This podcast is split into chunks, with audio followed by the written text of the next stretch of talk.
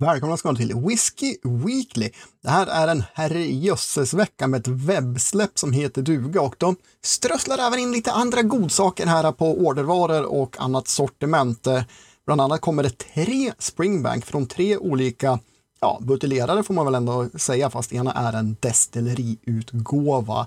Ja, nu blir det åka av. Mitt namn är Daniel Speyer och med mig som vanligt min kollega Jan Andersson. Ja, hej på er! Nu sitter man här och faktiskt småvibrerar lite i storyn. Nu märker man att liksom själva sommarutgåvorna, det, det är slut. Nu börjar det hända grejer på allvar. Så whiskyvärlden tycker att det är höst eh, nu helt enkelt. Så det kommer ganska mycket intressanta släpp. Potentiell eh, väldigt dyr vecka för dem som eh, ja, är lite köpsugna på whisky helt enkelt. Definitivt, alltså det är Ja, det är sagt, det går inte av för hacket den här veckan. Det är 38 stycken och vi kommer att försöka gå igenom ett antal som är väldigt intressanta. Sen ska vi säga att det kommer sex stycken ifrån Cardonheads, alltså Springbanks oberoende buteljerad label. De äger den oberoende buteljeraren. Eh, där de bland annat släpper en Springbank 11-åring för 889. Eh, alla de här kommer på webblanseringen och tanken är att vi ska hinna släppa ett specialavsnitt där vi testar igenom bara dem här innan eh, torsdag de kommer vi inte gå igenom idag, men jag vill bara nämna att de kommer och alla är väldigt attraktivt prissatta så att eh, hög klickfaktor på torsdag på, på dem. Det, det, brukar ju alltid vara ett bra pris. Om man tänker independent bottling så är det bland de prisvärdare skulle jag vilja påstå. Det är det verkligen, det är det verkligen. Annars har vi ju, ja, jag vet inte vilken ände vi ska börja egentligen. Det finns otroligt mycket, men Ja, men vi kan väl börja med liksom det vanliga att det kommer ju väldigt mycket single cask utgåvor, independent buteljerare från Clydesdale här och eh, vi, vi har ju ögnat igenom den här listan och det är ju inget som för vår del sticker ut e-, egentligen och säger att ja, men det här känns som, som någonting riktigt köpvärt. Utan den, den, som, den som ligger för mig som ganska köpvärd kanske, det, det, är faktiskt en Tormore längst ner på sidan. En 33-årig Olden Rare från Hunter Lang som ligger på 5895 vilket mm. det, det, är mycket pengar. Men kollar du den jämfört med, med de andra här som släpps så, så känns det ju ändå som en, en prisvärd eh, Eh, typ prisvärd batch och Tor, Tormore när de blir lite äldre, deras färglagringar, det är ju faktiskt, eh, det kan vara riktiga guldgruvor ska sägas. Ja, prismässigt är den otroligt intressant. Något som annat intressant är från den listan, bara att ta den lite snabbt. De släpper en 31-årig Springbank. Den är alltså från 91 till 22. Men då betalar man också mm. över 34 000 för den. Eh, vill man köpa en flaska så kommer den på onsdag på beställningssortiment. Så ja, det, det är lite av den dyrare skolan. Ja, men så är det. Liksom sätta det i perspektiv då till en Tormore som är tre år äldre, eller vad blir det, två år äldre och kostar, eh, ja, du kan köpa sex sådana. Samma pris. ja, det är ju otroligt. Men något som är mycket billigare och ändå lite intressant, det är en kanadensisk rågwhisky, 100% råg. Den heter Lot 40 eller Lot 40 och Dark Oak är tilläggsnamnet på den. Den är först lagrad på medium kolade fat ungefär och sen så har den en finish på hårt kolade fat. Och jag har själv inte druckit den här, men den här ska vara en rätt bra rågwhiskyutgåva. Jag menar priset 499, dessutom 48 procent och en 70 äh, men eh, Det tycker jag är eh, definitivt en rekommendation om man vill leta lite andra upplevelser, för den här kommer inte smaka skott singelmalt. Det här är ju 100 procent råg och ja, jag tror det är en riktigt bra whisky. Kommer på tillfälligt sortiment den 25 på fredag, så den tycker jag man kan hålla lite ögonen öppna för ändå. Ja, alltså rågwhisky gillar vi. Jag gillar vad som händer i rågwhisky. Kanada är väl just ett av de här länderna som alltid har sysslat med rågwhisky och det är ju ganska mycket skit som har kommit därifrån. Men äh, vi vet ju att det har börjat komma lite, lite liksom, rejäla tag, lite fin whisky därifrån. Alltså, förhoppningsvis så är det väl en av de utgåvorna och då är ju 500 kronor för en 70 48 procent stark. Det är ju ganska bra prissatt dessutom. Ja, men faktiskt. Ja, men den har jag en liten flagga för. Men sen igen mm. vet jag en som du brukar prata väldigt varmt om, även jag tycker det är en bra utgåva. Lafroig Lore kommer ju tillbaka nu. Precis. Jag kommer inte ihåg. Det är inte så att den släpps varje år den här tror jag inte. Utan den kommer i batcher. Det har varit lite upp och ner med den där. Ibland har de kommit varje år. Ibland har man fått vänta flera år på det. Men det var, det var ju egentligen den här som ersatte Lafroig 18 en gång i tiden. Och eh, kanske inte den största Lafroig-älskaren i världen. Men just den här tycker jag är fantastiskt bra. Den, den är absolut, den, den är rejält rökig. Men kanske på ett lite annat sätt än vad jag är van vid med, med Lafroig. Den här är relativt mineralig och metallisk i, i tonen. Och Nej, jag, jag har haft många av de här hemma och druckit det som brukswhisky och tycker att den, den är lika god varje gång. Så 999 det är ändå under, under tusenlappen och mm. eh, det är den värd. Det är så pass bra whisky är det liksom. Så det är absolut köp rekommendation på den. Ja, men jag håller helt med och jag har aldrig varit besviken på Loire och de smakar ju olika, eh, olika batcher men de brukar alltid vara riktigt bra. Och det är också mm. en andel sherryfat med den här, så alltså de får in en liten sötare ton också i den. Och det sägs att det är upp till 21-årig whisky med i fatutvaran. Klart, basen lär ju vara en betydligt yngre variant, men de ändå liksom blandar i rätt mogna fat med riktigt bra whisky för att få fram den här produkten. Så den är, den är en annan som jag rekommenderar. Eh, den kommer ju då också då på tillfälligt sortiment på fredagen 20 femte. En annan whisky som är ganska mycket mer lättare i sin karaktär, Glen Morangy 18. Det här är ju kanske mm. en whisky som för de som gillar kraftfull whisky och liksom så här single cask-fantaster, inte en whisky man ska köpa, men är man mer inne och gillar kanske ja, men lättare japanska whiskys eller liksom en ja, lätt fruktig whisky som inte har så mm. mycket kraft i sig, ja men då är det här riktigt bra kvalitet, va? för det finns ingenting som är fel i den här. Det är bara det att gillar man att ha lite mer bett i whiskyn, ha lite kraftigare smaker, då känns den här tråkig tycker jag. Ja, nej, men jag håller ju med och jag tycker, jag menar Glenmorangie i sig, det är ju, det är ju inte ett blekt destilleri. Jag tycker det var många utgåvor som är riktiga kraftpaket, riktig liksom Highland whisky på så vis. Men, men eh, jag håller med, jag tycker just 18-åringen, eh, den, eh, den är betydligt mildare än vad många av deras utgåvor är. Och det, det, det, är absolut inget fel på den, men jag har ju känt en viss besvikelse de gånger jag har provat den här och känt att den, var, den är lite väl klen. Men det, det, kan ju vara för att man förväntar sig någonting annat också. Liksom. Och visste man om det här innan, ja men det, det är Glenmorangie, det är bra kvalitet, så inte för den delen. Det kanske är en jättebra whisky att köpa till så här, äh, chefen som man ger som en som ska sluta eller någon som går i pension va, men som inte dricker jättemycket whisky. Men man ändå vill köpa en whisky till. 11,99 i alla fall, tillfälligt sortiment på fredag.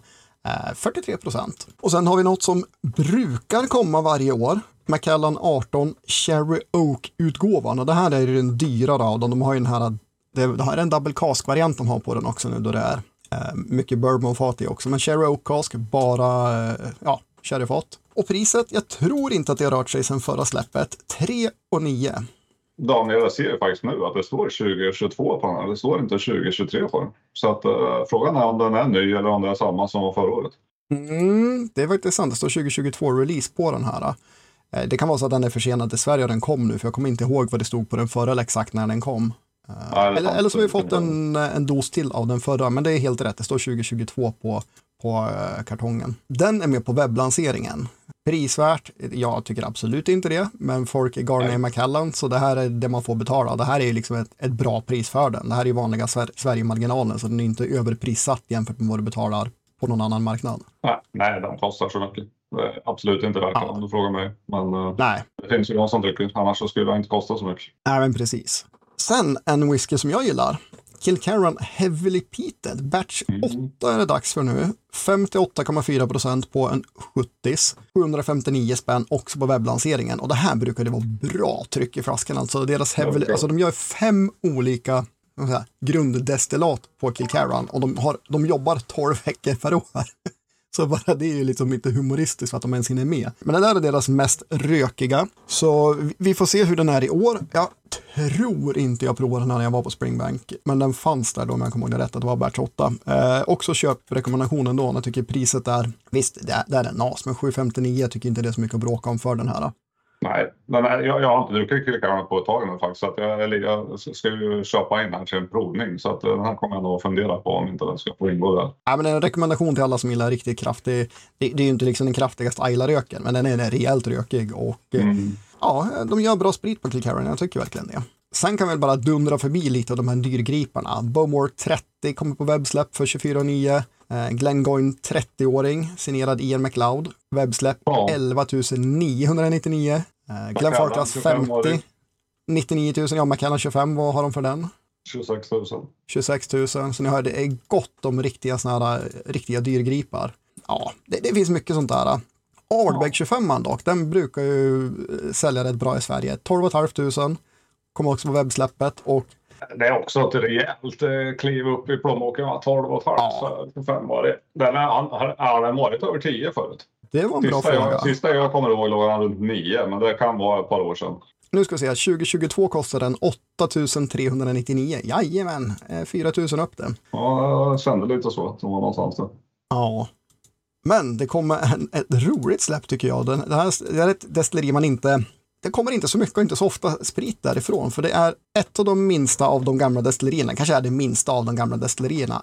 Edradaur kommer med en 21-åring och de har producerat alltså runt 90 000 liter per år och det är tre personer som jobbar på destilleriet i produktionen. Det är liksom, det är hela destilleriet. ja, jag tycker det är coolt. Och nu kommer de med en 21-årig destilleriutgåva med Oloroso Cask Finish 55,8 procent, så den är ju rejält hög fatstyrka. Inte heller färgsatt. Dock så kostar den 3 och 9, så det är ju dyra droppar, men hög, intressant trots sin prislapp. Jag skulle definitivt kunna tänka mig att köpa in den här till en provning, även om det är lite för dyrt för att sätta upp i hyllan och öppna för mig för vad det är. Ja, jag är, jag är tveksam måste jag säga på den 3 och 9. Det, det jag har druckit från Edrador är inget så här som eh, gör att jag känner mig brandsugen liksom, på, på den här för de pengarna. Det kan jag inte påstå. Nej, det är mer att det är så, att det är så sällsynt liksom och ja. en destilleriutgåva. Ja. ja. det är det som lockar lite grann. Någon som faktiskt lockar, det är en svensk whisky, Gammelstilla och de gör ju riktigt bra sprit. Alltså nu, nu är de mogna mm. på sig lite. Det är järn batch 2. Batch 1 var fyra år gammal tror jag. Batch 2 nu, det är flera år emellan, men de har släppt en ny batch på samma koncept. Och nu är den fem år gammal och eh, ja, kommer på beställningssortiment måndag 799 för en 70, eller 50 centiliter på 51,3 procent. För hur litet det destilleriet är, någon sån här liten utgåva, jag tror är runt 1000 flaskor i den.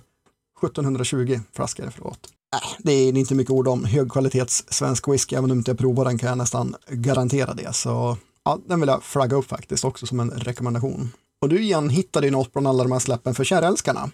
Det kommer en Glenn Alacky, exklusiv för Sverige, single cask här, för 1498 är med på webblanseringen. Och det är alltså ett Moscatel Barrique. Så det är ju alltså ett dessertvin, eh, men ja, jag tror Glenallachys destillat gör sig riktigt bra på sånt fat alltså. Så gillar man deras vanliga med sherrytunga utgåvor är det här uh, riktigt mm. kul sätt att prova en liten annan profil på, på Glenallachy, men som man lär känna igen rätt mycket från deras sherrybuteljeringar ändå. Så ja. Ja, de brukar vara bra. Eh, Glenallachie tycker jag, men eh, för, för, min del så är ju 1500 kronor lite överpris för vad jag vill ge för en 14-åring. Ja, det är alltså det är samma här, men, men det är en, det är en destilleri singelkask ja. utgiven för Sverige. Jag, jag, jag, ja. jag, jag är okej med det priset, även om jag själv inte kommer köpa den så tycker jag inte att den är orimligt prissatt just för, för vad Nej, det, det, säger jag nog inte att jag tycker det är orimligt, men för mig personligen så är det mer än vad jag liksom vill betala för den.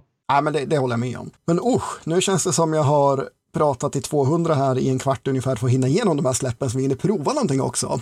Ja, det tycker jag vi ska göra. Hörde du. Och först ut då, Nicka är tillbaka med deras tioåring. Den har ju varit borta i bra många år. Och så nu har de haft de här liksom resan upp från, är det sju år? Sju, åtta, nio år har de haft eller någonting inför den här. Och nu är den här nya tioåringen. Och 1549 70 45 procent. Japansk whisky, Nicka. Nej, men alltså visst, det är väldigt dyrt för en tioårig whisky. Men återigen för vad det är, jag förstår varför den kostar de pengarna. Jag, jag vet inte. Alltså, jag, jag, jag har blivit uppvärmd till japansk whisky mer än vad jag var förut. Men eh, jag, jag, tycker jag tycker inte prissättningen blir bra av de här. Alltså, absolut, det finns förmildrande omständigheter, och så vidare, och så vidare. Men det är i slut och botten en tioårig singelmalt från Nicka liksom, som gör ganska mycket whisky.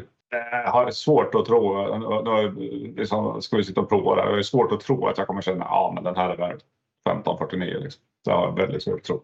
Ja, nej, men är man fan av japansk whisky, absolut alla gånger. Men, men kollar man på all whisky som finns, bra mycket annan whisky som man kan titta på för de pengarna. Men 4800 flaskor kommer det till Europa i år av den här. Alltså hela Europas tilldelning är 4800. Hur många vi har fått i Sverige kommer jag faktiskt inte ihåg från vad de skrev, men då förstår ni också att det finns inte så många flaskor per år av den här som de buteljerar. Inte så jättemycket mer info har de gett oss om den egentligen.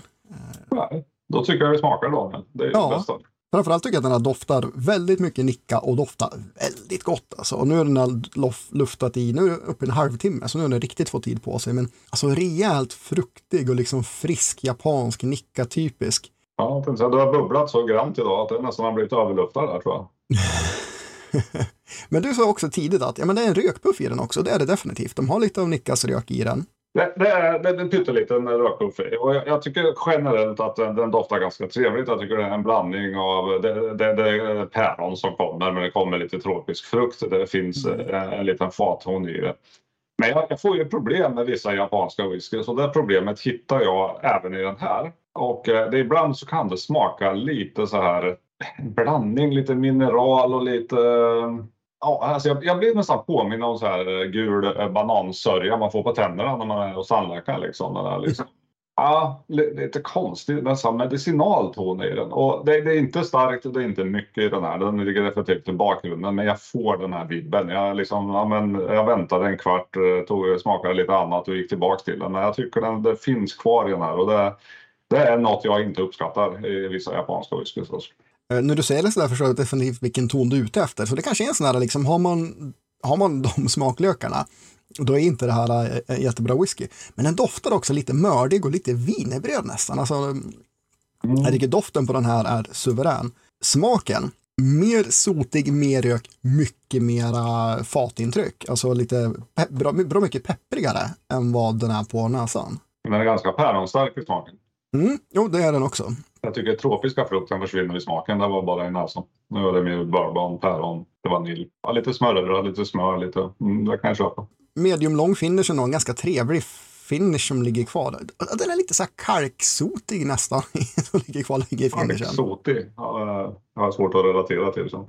Ja, men lite, lite kalk och lite sot, lite aska. Ja, ja men pyttelite finns ju redan, det är inget snack om. Nej, jag, alltså, jag tycker generellt att det är en ganska skaplig whisky, men jag får den där lilla tonen som eh, får det att vibrera lite negativt i bakgrunden. Den är, den är inte på, eh, påtaglig, den inte, men den finns där. Att det inte blir inte riktigt en uh, whisky, även om jag brukar gilla liksom, bourbonlagrad eh, uh, japansk bra whisky, jättegott. Men den där, ja, pytteliten off-note för min del som jag minns de gamla tiderna var ju de väldigt mycket mer finstämda och absolut inte så här mycket fatpåverkan med pepprigheten. Den kommer fram mycket, mycket mer här än vad jag är van att det ska vara i Nickan. Och även den här sista som var liksom, och den hette väl inte Almost There, men nästan något sånt hette den ju. On the Way, så hette den serien va? On the Way, ja det låter bekant. Och så det förvånar mig lite att den är så markant i den här. Roligt tycker jag i och för sig, att de vågar släppa på lite mer kraft. Jag säger nog så här att jag, jag, tycker inte det, den är off för att dra den under 80-strecket. Men å andra sidan så kommer den inte upp i 85-strecket för mig. Så den hamnar på, på en 82. Jag tycker den är generellt är positiv. Jag håller med. Det är ganska trevlig finish. Lagom fatbäska, bra balanserad. Men jag har den här lilla liksom, tonen som drar ner den under 85 för mig. Och då sätter du en 82? 82. Jag missade den, jag höll på att ta anteckningar Jag tycker den här är riktigt bra. Eh, jag, jag, jag har inte den smaklökarna för att fånga upp den där off-noten. Eh, så, så för mig sticker det inte iväg. Den här är riktigt bra, men jag skulle vilja haft lite mindre pepprighet faktiskt, för det är inte riktigt det jag förväntade mig. Jag tycker att det, det tar bort lite för mycket av det som är så himla underbart i näsan. Speciellt just av den tropiska frukten kringad av. Men ändå så får den här 85 poäng med. Jag tycker den är riktigt bra kvalitet och eh, kul att eh, de börjar släppa lite age statement igen. Så att eh, 85 från mig, du sätter en 82 Ja, mm. det är ändå liksom rätt skapligt betyg tycker jag. Men igen, ja. om vi ska vara allvarliga, varför vill man dricka en 10-årig whisky när man kan dricka en 63-årig whisky från 1959? Ja, vi slår väl rekord i podden idag, va? både i ålder och i eh prislapp på whiskyn som vi får en ynnest att få provsmaka här från våra vänner. Ja, det tror jag definitivt. Det är alltså från Gordon MacPhail. De har en serie som heter Mr. George Legacy. Det är alltså George Urquhart som egentligen var den som verkligen gick i bräschen och släppte mycket single cask och liksom single malt whisky. Uh, han startade den här Connoisseurs Choice-serien bland annat. Uh, nu är de ju flera grader av släpp som de gör och därför hyllar han. Det tredje i serien och det sista fatet de har, vad jag har hört, från 1959. Och andra saker som hände 1959, ja, Fidel Castro tog makten på Kuba. Eh, Hawaii blev den 50 delstaten i USA och det kanske inte är någonting som man har i närminnet direkt så ni förstår ju att det här är ett tag sedan de gjorde den här whiskyn. Buteljerad 2022, slutet 2022. Men ändå, efter 63 år är det 56,5 procent kvar i alkoholstyrka i fatet. Tänker att mina pensionerade föräldrar sprang omkring i några konstiga 50-tals shorts på förskolan ungefär. Ja. Sätter lite perspektiv på det. Ja, det, det är magiskt att få dricka så här gammal whisky. Eh, 368 flaskor blev det. Det är ett First Fill Cherry Cask. Vet ej hur stort det var dock. Eh, det har de inte gett ut. Men den här har ju definitivt gått om gamla toner i sig. Nu hoppas att den hade öppnat upp sig ännu mer för att efter en kvart var den ju underbar och efter en halvtimme, 40 minuter nu, vad kan den ge? Ja, alltså jag, jag vill säga både, både ja och nej. Eh, men jag har ändå eh, haft förmånen nu att få prova en hel del eh, lite äldre whisky. Och eh, till att börja med ska jag säga så att den här är ju kvar på 56,5 procent alkoholstyrka. Och det är ju galet mycket för att vara så gammal whisky. Det, mm. det har ju varit ett sjukt eh, tätt fat och då kan man ju förmodligen tänka sig att det kanske har hänt mindre i ett sånt fat än vad det gör i många fat dessutom. Och jag, jag, tycker att absolut finns det gamla toner i den men jag får inte det här eh, dammiga vaxdukskänslan som jag eh, tycker man kan få i, i många, framförallt i sherrylagrad whisky. Utan den här är ju oerhört viril och vinös. Mm. Jag tycker det finns snarare lite att fattonerna har gått över till lite så mörkna trätoner snarare än färska trätoner på så vis. Det, det känner man ju. Det är ett oerhört eh, djup och koncentration i smaken. Den är ju den är ganska oljig, ganska trögflytande i, i munnen där, så att man känner ju åldern på, på andra sätt. Så. Men uh, oerhört ungdomlig och viril för att vara en 63-årig whisky. Mm, mm. Ja, jag smakade för första gången nu. Åh herregud vad god den är. Alltså munkänslan i den här, alltså att den är tjockollig och bara liksom lägger sig i hela munnen. Mm. Och du kan tugga på den länge, länge trots 56,5 procent. Gott om röda frukter, lite bärig. Ett otroligt djup. Alltså, här var det väldigt snygg ek. Om på näsan om den är lite gammalt trä så är den här bara underbar tycker jag. Alltså ja, jag, tycker liksom, jag, jag, tycker, jag tycker fruktigheten är mer det, det är godis, det är vingummi. Det är inte liksom torkade russin och kaffe och sådana sherrytoner utan det, det, är ju ganska lätta sherrytoner i den. Mm. Ganska mycket godis i den. Ja, men det är det faktiskt. Mycket godis. Det måste ha kommit med åldern i den här. Jag ska ta i några droppar vatten och nu har jag inte särskilt mycket i glaset så att det får nog bara bli några droppar för att inte ta ner den här för mycket. Den vaknar till liv på näsan lite mer nu. Nästan lite mintig i näsan kom det upp direkt med vattningen. Lite nötigare. Nu vart den mer fet och vaxig också. Det eh, kan ju också gjort att man har smakat på den. Ändrar ju också hur, hur den doftar ganska mycket ibland. Ja, den är oerhört eh, tjock i munnen. Mm ovanligt även för en, en äldre whisky. Den är väldigt, väldigt silkeslen och oljig i munnen. Liksom. Ja, bland den mest oljigaste whiskyn jag har smakat faktiskt. Den är otroligt tjock. Det är nästan som man kan äta den med sked. Alltså, mm. men alltså komplex näsa. Alltså det här är ju, ja, det är ett riktigt bra fat det är ju en rejäl dos eh, i finishen som man kan förvänta sig. Där, där, här känner man ju att åldern kommer in i finishen på ett annat sätt. Då kommer det här torra, lite dammiga och väldigt kraftiga ekigheter. Men på ett eh, bra, trevligt sätt och den, eh, den ligger kvar i munnen fortfarande medan jag pratar sen. Den försvinner inte av den anledningen. Nej, men en intressant sak. Jag tyckte att oljigheten klev ner ganska flera steg. Den är fortfarande väldigt tjock och oljig med rätt mycket ja. med lite vatten. Men däremot kom det fram mer eh, citrusfruktstoner, mer av apelsintyper i, i smaken. Och finishen är, ja det, det, är mycket ek som ligger, men det är även en sötma. Den har med sig lite, och det är, det är inte godissötma, det är mer bara en väldigt murrig sherrysötma som ligger med i finishen mm. länge, länge. Ja, det är ju, det är ju magi liksom att få dricka en sån här whisky. Det är ju, så är det ju liksom. Den, den kostar 85 000 kronor så vi är ju långt förbi när man börjar prata prisvärdighet. Utan det, det, ja. det, är, bara, det är bara upplevelse liksom att, att få dricka den. Och det, ja, det, det är nästan sorgligt att betygsätta en sån här whisky men det är, sånt, det är det vi håller på med så det ska vi göra idag med. Ja, och den här tar sig upp i, i, i 90 eh, eh bracketen, ja. men inte upp till 95 med någon tycker jag. Jag tycker den, den, jag tycker den ändå är där och väger. Jag, jag gillar ju faktiskt att den behåller den här liksom ungdomliga tonen tillsammans med mm. den gamla. Och sen tycker jag oljigheten är relativt unik på den här, så jag är nog faktiskt inne på att den gör det för min del. Jag tycker den är så pass, eh, ja, jag tycker upplevelsen att dricka den här är så pass häftig att den är värd att komma upp i 95 poäng. Så, så att eh, mm. det, det blir en 95 för mig. Ja, jag är precis 94. Det är, det är en fruktansvärt bra whisky. Det här är ja. bland det absolut bästa jag har druckit i år. Och då har jag ändå druckit rätt mycket riktigt god whisky i år. Uh, så, nej, men den, är fruktansvärt bra. Den är, det, det den är löjligt bra, men den är också en löjlig prislapp. Det är ju bara för riktigt rika människor, samlare och flippare. Det är ju inte några, någon vardagswhisky direkt det här. Nej, det vore jävla trevligt att ha det så pass bra ställt att man kunde ha en sån här som vardagswhisky faktiskt. ja, men nu ska vi in på någonting som jag brukar nästan alltid köpa den här. Jag skulle vilja ha den här som vardagswhisky, men den är lite för sällsynt för det. Springbank Cask Strength 12-åringen. I år är den på 54,1 procent. Det är 60 procent bourbon, 40 procent cherry i utvaret. Kommer ej ihåg här hur många flaskor det är till Sverige, men jag har för mig att vi har haft en 60-40 split på den här förut. Bara någonting som plingade till sådär. Men som sagt, den här kom också på webblanseringen.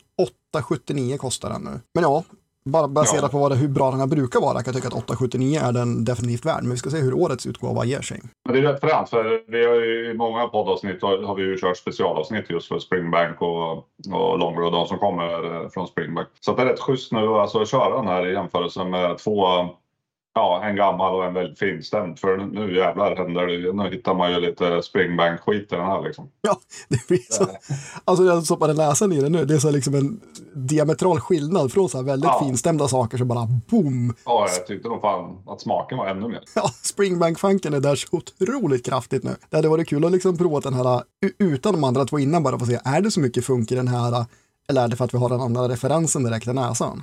Jag, jag håller ju med dig. Jag, jag har ju hållit eh, den här 12-åriga Carlsfrank. Det är ju en av mina absoluta favorit springbanks historiskt sett. Jag har ju, den har ju satt högre betyg på en 15 och 21-åring än 18-åringen flera gånger. Det som skiljer tycker jag, nu, nu har jag faktiskt inte jag pejl på eh, riktigt vad, vad den här, om det är något annat koncept eller recept. Eh, men den här känns eh, lite tyngre. Eh, den känns lite mindre vinös som jag tycker de har fått till fantastiskt bra på tidigare 12-åriga utgåvor. Att de har den här lite riktigt fina balansen mellan sälta, syra och sötma. Och det här är lite mer, det här, här kommer sötman fram lite mer och mm. lyfter fram eh, kanske energitätheten lite mer också. Ja, men det är mer söt i smaken, men även i, även i näsan, även om det är mycket funk och lite nötighet. Och jag tycker även att det är lite, lite mandel, lite marsipanaktiga toner i den. Mm. Ja, men det är, det är lite mer fräschör på näsan än i munnen tycker jag. Men mm. Eh, det, är klart, det är klart mindre än vad jag tycker att den har haft förut.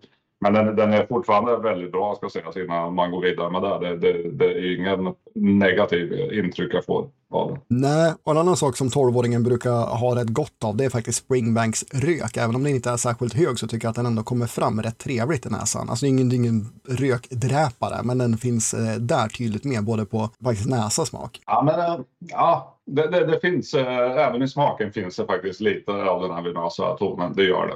Den, den, finns, den finns där. Inte lika påtaglig, men den är faktiskt lite tydligare nu tycker jag än var förra klunken. Alltså det är så färska vingummin i den också, som att den precis kommer från fabrik. Alltså så otroligt färska vingummin som du någonsin har ätit har jag också i smaken. Rätt krämig den här också faktiskt. Härlig ja, krämig. Jag, kan säga, jag, får, jag får en pytteliten parfymerad känsla i den här. Vilket jag inte brukar härdra till, till Springbank. Nej, och det hade jag på näsan när den var ganska nyhälld. Men nu tycker jag ändå att den har doftat, eh, den har luftat ur den. Och jag har, hade den faktiskt inte på, på smaken om parfymerad. Däremot ska jag vattna i lite mer nu. Och se hur kommit med luft och vatten. Däremot den maritima känslan tyckte jag kom eh, precis när man svarade och tidigt, tidigt i finishen. Men den är relativt begränsad, eh, sältan och maritima känslan den här faktiskt. Ja, det är den. Men, men den kom då. Med vatten så blev den ännu piggare och friskare, mycket mindre sherry influerade toner när man vattnar ner den ganska rejält. Även om de finns där definitivt. Men nu krävde det upp mer, mycket mer nötighet. Ja, men alltså Springbanks 12-åriga call strength, den brukar alltid bjuda på en ganska bra komplexitet. Alltså det finns ganska mycket toner i den och man kan vattna ner den i olika steg och försöka hitta saker och sitta med den ganska länge generellt. Mm. Ett betyg på den här, alltså det är en lång finish också. Det var komplicerat med betyg på den här kände jag nu efter föregående whiskyn. För... Ja, man får försöka göra en mental reset emellan. Alltså, ja, är... Den är värd eh, 85. Uh, inget snack om det tycker jag. Uh, den kommer inte komma upp i 90 för mig idag. Tycker uh, lite, lite för lite maritim sälta som jag tycker brukar ha springbank och det var en pyttelite liksom, puff av parfymeri i den som ja, man får leta länge för att hitta den, men jag tyckte den fanns där. Och, och de, de, skulle behöva, de staplarna skulle behöva stärkas för att komma upp i 90. Men, men jag tror nog ändå den hamnar på... Ja, men jag tycker 87 känns bra för den här. Mm. Ja, men härligt. Eh, men jag tycker också, det här är en riktigt bra whisky för pengarna, ingen snack om saken. Ja, gillar man Springbank så är det här ett givet köp för 879 på webbsläppet. Den är riktigt, riktigt bra. Det som gör att den inte når 90 för mig, det är att den är, den är lite för söt och den, det döljer tror jag en del av komplexiteten man brukar kunna ha i de här cask-utgåvorna. Lite, lite för söt, men utan att vara sliskig. Alltså jag tycker den är underbart god och jag ger den faktiskt 88 åtta pinnar. Så en riktigt bra whisky och kanske den som är mest prisvärd av all whisky som kommer den här veckan. I, i min gom så att säga. Då vann du totalt sett idag poängmässigt. Om vi summerar ihop alla tre. ja, det gjorde jag nog kanske. ja. Nej, fantastiskt. Alltså Springbank, hatten av alltid. Ja. Så är det. Det går lite upp och ner ibland, men det är klart det är så. Det är specialutgåvor på så vis också. Ja, ja men det är det ju. Mm. Men... Ja, hörni. Fantastico. Skål på er och ha en trevlig whiskyvecka. Tingeling.